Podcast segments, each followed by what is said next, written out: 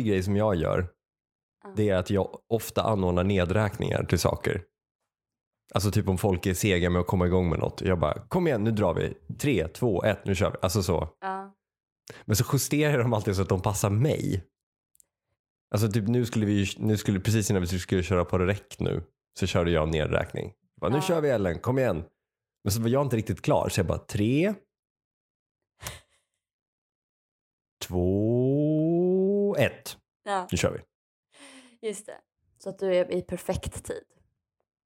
Precis, för att det, det är ju tydligen mig det handlar om. kretsar kring.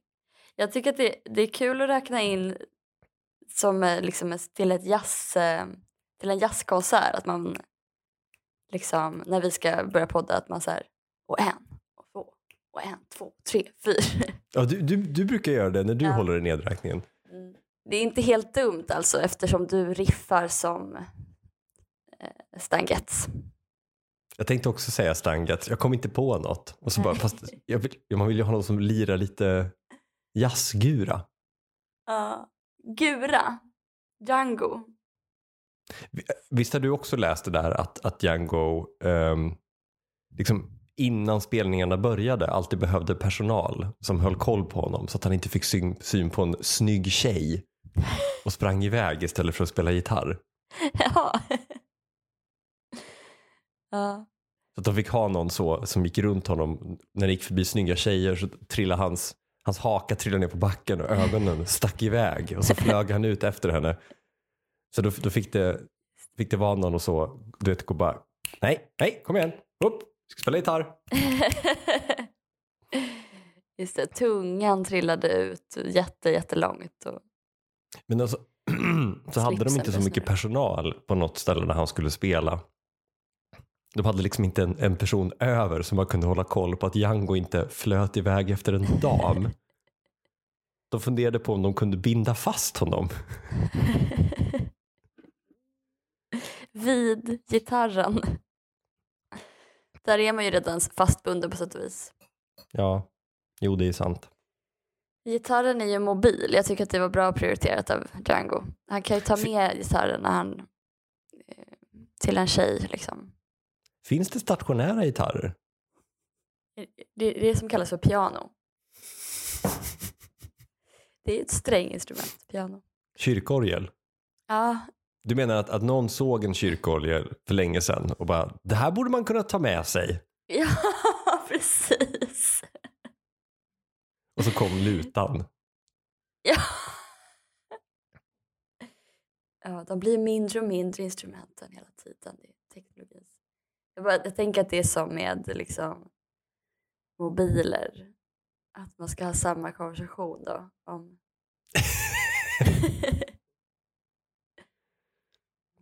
Ja, du menar att man stör sig på att så här, ja, förr var det lite hederligt, man gick till orgeln, knäppte på den, så fick man sitta där en stund och spela och sen när man var klar då var det knäppa av och gå därifrån. Nu sitter ju alla på sina droskor och bara stirrar ner i lutorna.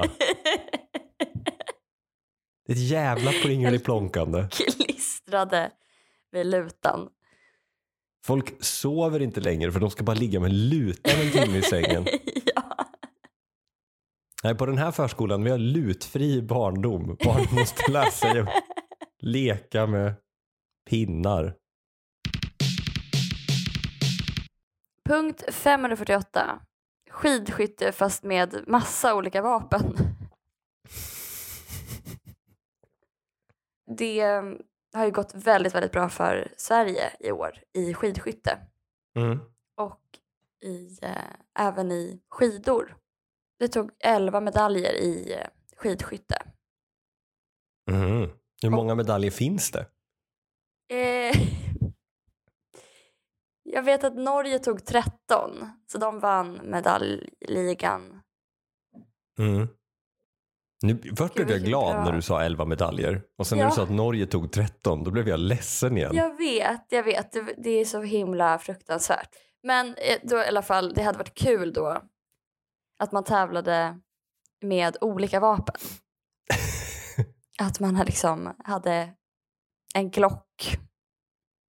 Att så Peppe Femling tar fram en, eh, bazooka. Hanna Öberg tar fram kastknivar och kör med, med eh, nunchucks. För att de kommer fram till en trädocka och bara vevar. Kulspruta. Var det inte kul om de kom fram till liksom de skid, skidade fram till en laptop och där knappade de in så här koordinaterna för en drönarattack. Ja, just det. Precis. Men det är skidskytte modern warfare. Alltså, Ja. tänk, precis. fatta vad, fatta vad liksom, du har pulsen upp i halsen och så ska du liksom hantera li, Linux. Det kanske är sån liten, du vet en sån gammaldags touchplatta som det var på gamla laptops och så har du liksom skidvantar på dig. Ja, just det. Precis. Är det inte lite obehagligt att Vinterstudion varje år sänder en iscensättning av finska vinterkriget? Jag undrar liksom om det, är, om det kommer från finska vinterkriget för det, känns väldigt mycket som att de ligger i, i skyttegravarna. Vilken tur för dig att jag har Wikipedia skidskyttens historia framför mig. Åh oh, nej, du fångade mig precis i... Här sitter jag och läser skidskyttets historia. Det på, påminner om en kille som Linnea var på fest hos när hon var i tonåren som liksom stoppade festen för att rota fram eh, brott och straff ur sin bokhylla. Och liksom öppna sista sidan och bara jag visste att det var så den slutade. Jag blev, jag blev osäker där ett tag. Nej men... Det är jag fast med skidskyttens historia. Du sitter på, på kaféer och barer och, och läser liksom eh, vinkla skärmen så att folk ska se att du läser skidskyttets historia. They don't know I'm an intellectual. Ja. Eh, Ragga okej. på någon tjej. Det är en norsk sport från början. Mhm. Eh, det, det står bara norska soldater utövade den i något annorlunda form. Men då var det eh, gränssoldater i Norge som tävlade mot varandra i liksom olika grenar.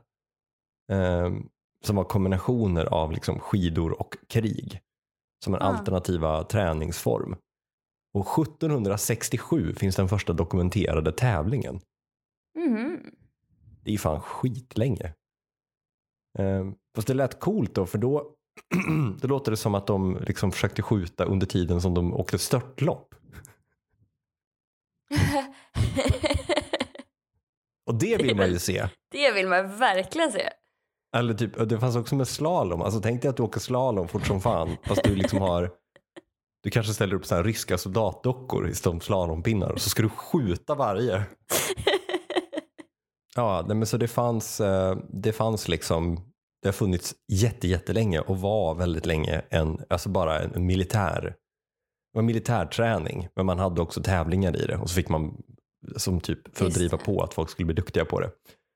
Det blev en gren i olympiska vinterspelen 1924, men blev inte fast eh, i eh, det olympiska programmet för 1960 eftersom man inte kunde enas om reglerna. Och det Ja. låter ju väldigt mycket som, alltså att det känns som att det är någon som liksom pushade på för sig, kan vi inte ha störtlopp och bara de bara skjuter hej vilt under störtlopp. Man skulle precis, man skulle kunna ha också olika skidgrenar eller vad heter det, snowboard och då kulspruta. Mm. Att man gör sådana kombinationer också. Blades och bazooka. Ja, fortsätt. Under SvD instiftade 1940 skidskyttemärket. Då stod det under stämplat frihetens värn. Man fylls ju av försvarsvilja när man, man tänker folk på skidor med vapen. Jag vet inte varför. Verkligen. Jag undrar om man romantiserar finska vinterkriget för att man har kollat på skidskytte. Eller om det är tvärtom. Men är inte det, ja fast är det inte också väldigt mycket så David Goliat? Alltså Jo, verkligen. det är den kloka bonden som kommer ihåg att ta torra yllestrumpor som vann. Liksom. Ja, precis. Det är exakt som man vill att historien ska fungera. Jag tycker det är uppfriskande att den, den, eh, det narrativet fortfarande liksom jäckar Ryssland. Att de är den dumma, elaka, stora, liksom en vårta i pannan eller något. Uh, för jag, jag, läste, jag läste den här um, som alla har läst, Det fallna imperiet om, om Putins Ryssland. Mm. Men, men, och jag är inte jätteintresserad av krig, men, men jag, det slogs av, för där är det en beskrivning av eh, typ hierarkin i den ryska militären, att den är väldigt, den är superhierarkisk. Eh, och det som man säger på högsta nivå slår alltid ut vad man än säger på lägre nivåer. Mm. För där tar de upp att liksom Ryssland har förlorat folk för att någon general har pekat på en karta och sagt att de ska gå dit. Och så har det varit ett stup där och så har ingen vågat säga ifrån. Nej, just det. Att det, att det är den. Jag förstår Ja. att det här är raljerande men, men, men det är en kul tanke. Man, då fylls man av försvarsvilja. Att man tänker Verkligen. dumhöven. Och så går man runt stupet för man är en sån här listig bondlurk. Ja, man hejar ju på den, på den sossiga strategin, eller vad man ska säga. Så nu är ju Mm. militären sällan, alltså det är ju hierarkiskt på ett eller annat sätt ändå. Men det är väldigt, eh, man blir väldigt glad att eh, Gustav II Adolfs liksom stora reform av militären var att så här, men alla ska vara mätta och varma och glada. Och det Mm. var så här, helt och hållet revolutionerade liksom, eh, modern krigföring och det var liksom stormaktstid, alltså att vi, liksom, vår stormaktstid bygger på att så här, vi hade så sympatisk eh, ny militär strategi som var att alla fick så här, ordentliga sockor eh, och ett ordentligt mål mat och liksom fick kanske sova ut på morgonen, sovmorgon. att det är så, det är den Det- militära strategin man vill ska vinna liksom. Det är ju en Ken Burns dokumentär man vill se. Ja, As the other countries prepared to take Sweden, they loaded their heaviest weapons. But they had no idea of the Swedes' most powerful weapon of all, the Sovmargun. the ragsocka. Fast det, alltså det, som, som eh, vad ska man säga, eh, som Chad militärt överskott enjoyer. Jag var i stugan och tog ner några träd och gjorde om dem till, till kubbar som ska huggas upp till våren. Ja. Då stod jag där i, i em, militärens gamla liksom, yllevantar. Då, då kände jag försvarsvilja. ja, Uppsalas um, Kalle Zackari Wahlström. Fast utstrålar de, alltså utstrålar inte de så vi skulle dö om, om det hände något? Jo, verkligen. Men Kalle Zackari Wahlström åkte ju ner nu till Ukraina och delade ut... Vad fan var det? Var det du som skickade det till mig? Nej. Energidryck. Men det kanske är den nya liksom, reformen som kommer totalt revolutionera militär eh, strategi. Att alla får en energidryck. Det känns ju nysvenskt om något. Alltså lite som det var under pandemin. Att massa bolag såg chansen att liksom branda sig genom att bli plåtade med någon undersköterska. Som de typ gav så här en rabattkod på bekväma leggings. Ja, precis. För försvaret vill ju ha ännu mer pengar nu. Eh, De skulle ju komma upp i, i 2% av BNP. Men eh, kommer ju uppnå det ganska snabbt. eh, Fast ändå inte få ut tillräckligt mycket för pengarna för att inflationen.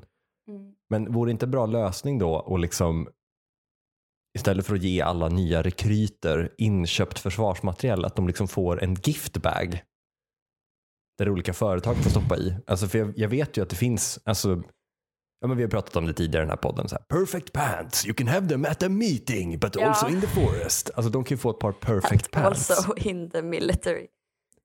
Eh, och sen så kan Juniper heter ju de, de som har gjort de här sängkläderna som vi har raljerat om i tidigare avsnitt. Mm. det är fortfarande eh, fantastiskt eh, med Juniper. Att det liksom Alla älskar att känna sig utvilande och att sova är skönt. Därför har vi gjort bra sängkläder. Introducing sängkläder. Förlåt, nu fastnar jag i, hon, hon har uppdaterat hemsidan här. Men fortfarande kvar den starka storyn om varför hon startade Juniper. Alltså att hon och hennes man var på Gran Canaria och bodde på ett hotell som hade jättesköna sängkläder. Det är inte en så bra origin story. Det är inte en gång så låg bra. jag i sköna sängkläder och då tänkte jag, hade det inte varit bra med sköna sängkläder? Och det var då jag kom på idén att göra sköna sängkläder. Ty- Tillbaka till det du sa. Juniper kan väl, alltså de kan väl skicka med en giftbag till Ja. soldaterna. Vi kommer liksom ha det försvar som har sovit bäst. Exakt. Tyngdtecken. Ja, för det skulle ju bara kunna vara, alltså de skulle ju bara kunna ha typ ammunition eller liksom, alltså förnödenheter i fickorna i täcket. Ja, För att, liksom, för att inte ha onödig tyngd. Och sen så kan Just man hänga det. på sig det som en rock när man går. just det. Military grade sängkläder.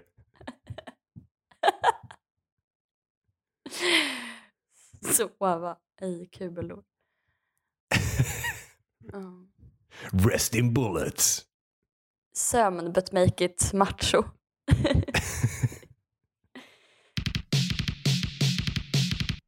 Punkt 511. Detta med polygrejen på 70-talet. Alla hatade ju det. Kärleken ska vara fri. Man kan inte äga någon. Inom citationstecken. Men tänk på de sju personer som gillade det. De måste haft det toppen. Jag Tror du för sig att det alltid är typ 300 personer som älskar tidsandan? Lovar att det finns 300 personer nu som bara hurra för total kapitalism, jobba jämt och eh, telemarketing, fuck yes. Vad fick dig att plocka upp den här?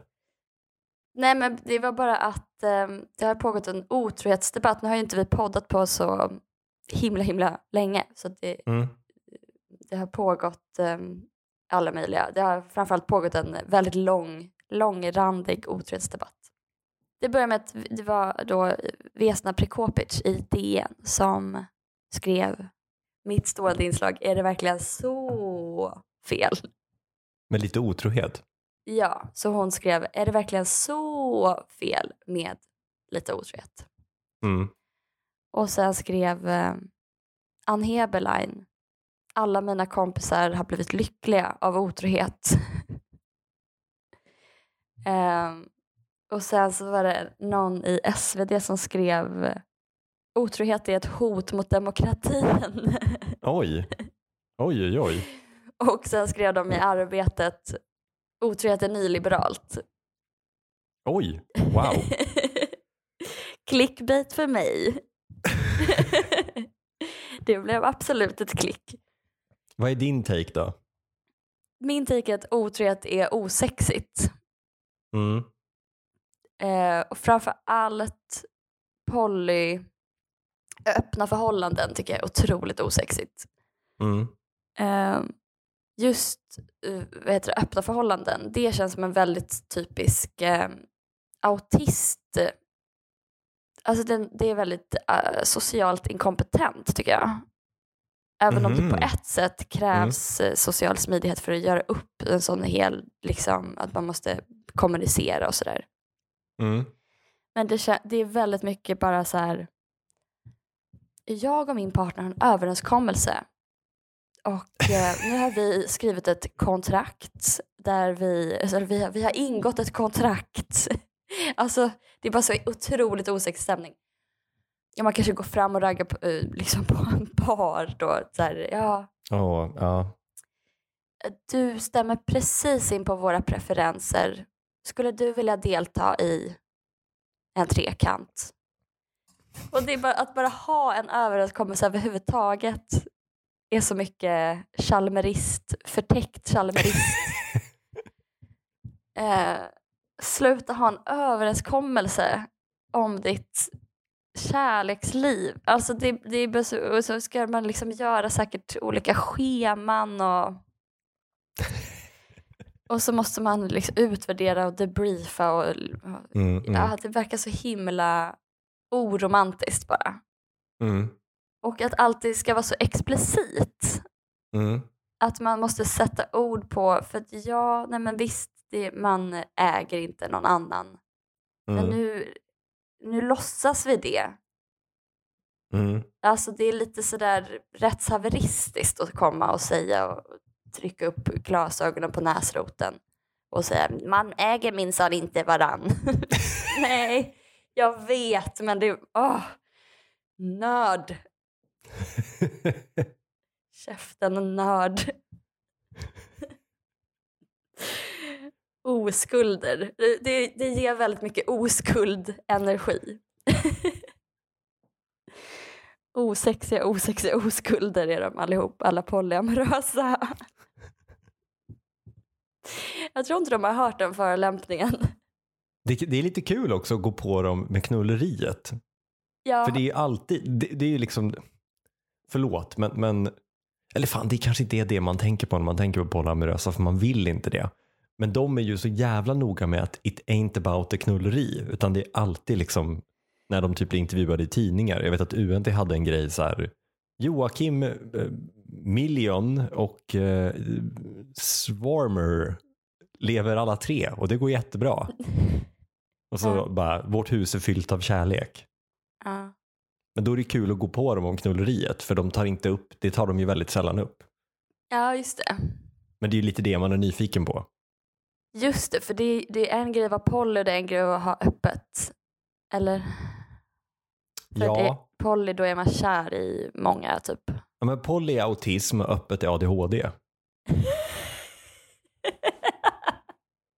De två könen. De två könen, jag tänkte precis säga det. Ja. Jo, men att även, att även otrohet är osexigt tycker jag. Mm, mm. Och oromantiskt. Att det är så här... Så oromantiskt av dig att vara otrogen. ja, men det är det. Det är det Jo, som jag det. tycker förstör. För att det är en dålig överraskning som de har förberett för en. Du känner inte mig alls. Det här är inte den typen av...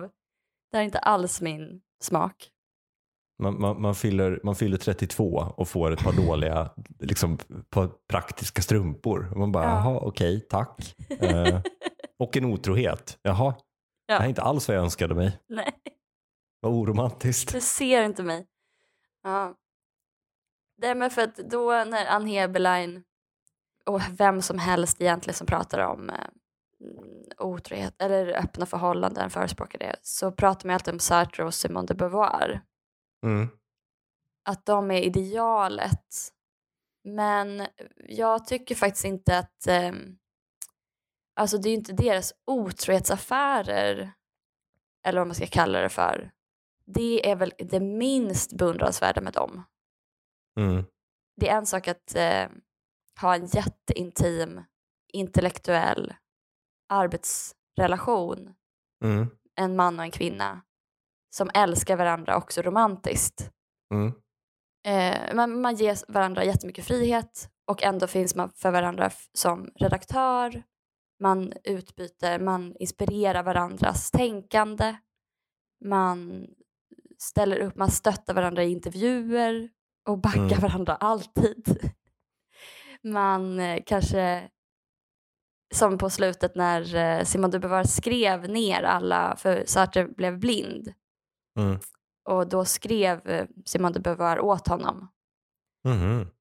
Det är ju otroligt romantiskt och eh, sexigt. Mm. Att ha, att arbeta och älska.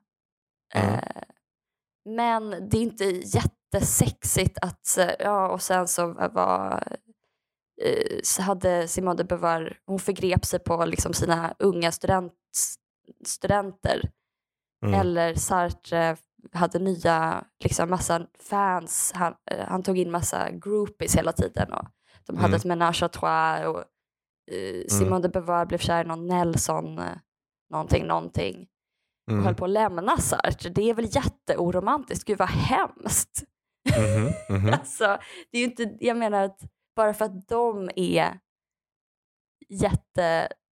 eh, Bara för att de är, de är beundransvärda intellektuella och de hade en beundransvärd kärleksrelation. Men det är inte Mm. otrohetselementet, eller vad, nu är det inte otrohet där eftersom de hade öppet. Men det är inte Mm. det elementet som man tycker är attraktivt väl? Nej, nej. Att de förespråkade pedofili eller liksom eller förespråkade gjorde de inte men kampanjade för, ja. testade på. Nej men jag håller med. Ehm, Jag har väl egentligen mer en, vad ska man säga, en bekvämlighetsaspekt att invända. Ja, Alltså jag kan känna liksom who, who got the time. ja både verkligen. för liksom, ehm, öppna relationer, polyamorösa relationer och otrohet. ja, För det måste vara så mycket jobb. verkligen. Och sen, alltså jag tycker ju att tvåsamheten är toppen av många anledningar. Men en av de anledningarna är att jag eh, har valt ut en person som har fri ti- tillgång till mitt hem.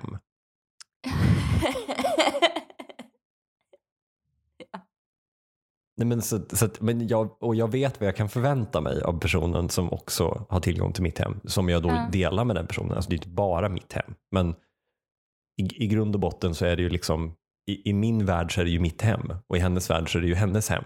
Liksom. ja, Sen bor jag ju här också, det är också mitt hem. Men, men ehm, jag tycker bara det känns jobbigt att det skulle vara en massa andra, eller liksom det skulle vara någon annan men det som är gick runt här. jättejobbigt att ha gäster. Ja, Men exakt. Ja, så Ehm, kan man och- ha, ja, det är ju mest det med otrohet, att man bara, "Åh, ska jag ha en gäst? Måste städa. Att man ska ha besök. ja. Åh gud, ja, jag hade ju bara tänkt värma rester men nu ska jag ju få besök av min älskare så att då behöver jag ju ställa mig och steka potatis.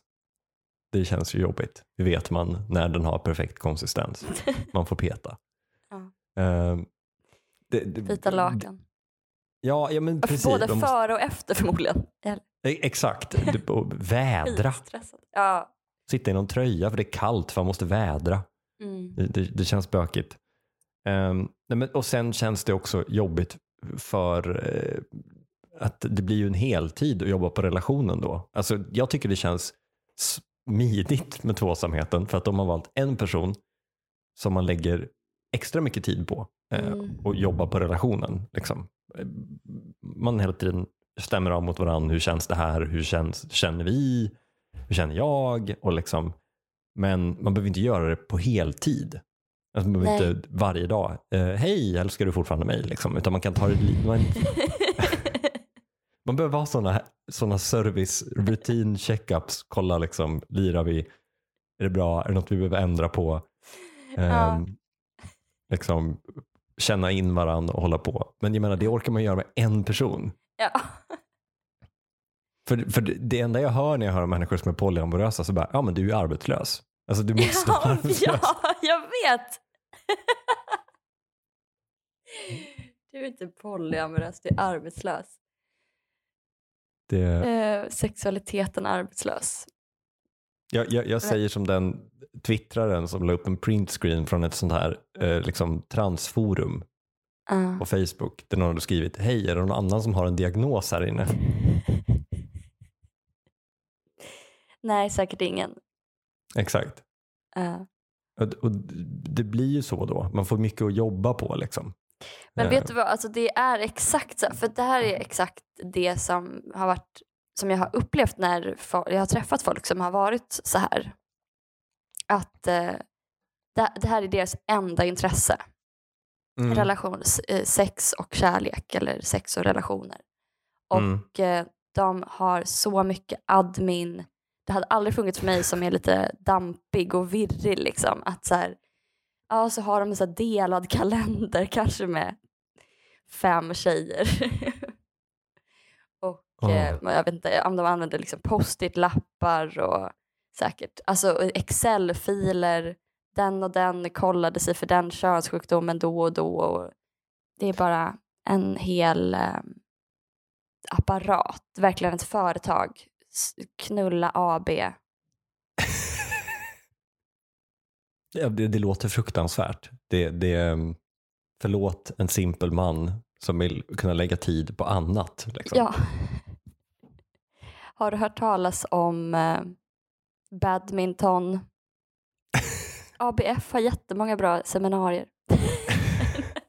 Nej, men jag, jag fattar att när man, man har en, en, en speciell vad ska man säga, normavvikande livsstil att man behöver lägga mycket tid på att få den att funka för att vi i det, majoritetssamhället konstant motarbetar den och saker är inte anpassat efter den och, och jada jada. Liksom. Och Mm. för, för till exempel människor som, som tvingas leva, leva sig utanför normen så är det fruktansvärt. Typ transpersoner som behöver lägga Mm. jättemycket tid på att bara bekräfta sitt vardagliga liv. Liksom. Mm. Nej. Nej men, men sen när det handlar om människor som har, gjort, har det liksom självpåtaget. Alltså det finns säkert de som, som har liksom polyamorös och öppen relation och för dem så är det liksom det de vill hålla på med och för dem funkar det lika självklart som det funkar för mig att, att vara ihop med en person. Liksom. Mm. Och, och, och, det är jättebra. Ehm, men det känns som att det är många andra som inte har det så. Utan det, det, bara, det bara är deras hobby. Ja, Liksom. När de intervjuade, jag vet att de intervjuade någon, jag vet inte varför UNT skriver så jävla mycket om polyamorösa, men de intervjuade någon, någon eh, man som liksom, han flyttade mellan tre olika lägenheter hela tiden, där hans tre olika familjer bodde. Um, första kände jag, Per Albin Hansson, är det du? Eh, men för andra så kände jag bara, Ja. men fy fan vad mycket, va? Ja. Det är ju, jag såg i, det var en replik i en eh, Norén-pjäs jag var och kollade på igår som var så här. Det, det tredje värsta en människa kan utsättas för är att flytta. Efter att en nära anhörig blir sjuk och dör och att man själv får ett sjukdomsbesked så är det flytta som är Mm. den, det tredje värsta. Det verkar jobbigt att flytta tre, ha tre olika hem. Sen vill jag också bara säga att jag, jag funderar på de här polylägenheterna också, om det blir lite tragedy of the commons. Vem rensar vattenlåset? Sen, det är ju också, det är ju bara killar som inser att de gillar det där. ja, Att flytta mellan lägenheter. ja, att vara helt rotlös och falla fritt genom universum. Det är killars största intresse. Också att de, har typ, alltså de känner så här, hmm, vilken livsstil vill jag ha? Skilsmässopappa, fan vad kul. Kan jag få det utan att behöva skilja mig? Tack för idag Kim Eklöf. Tack Ellen Theander. Vi eh, kommer ut på tisdagar klockan sex på morgonen. Lagom till morgonlöprundan. Hej då! Hej då! Thank you.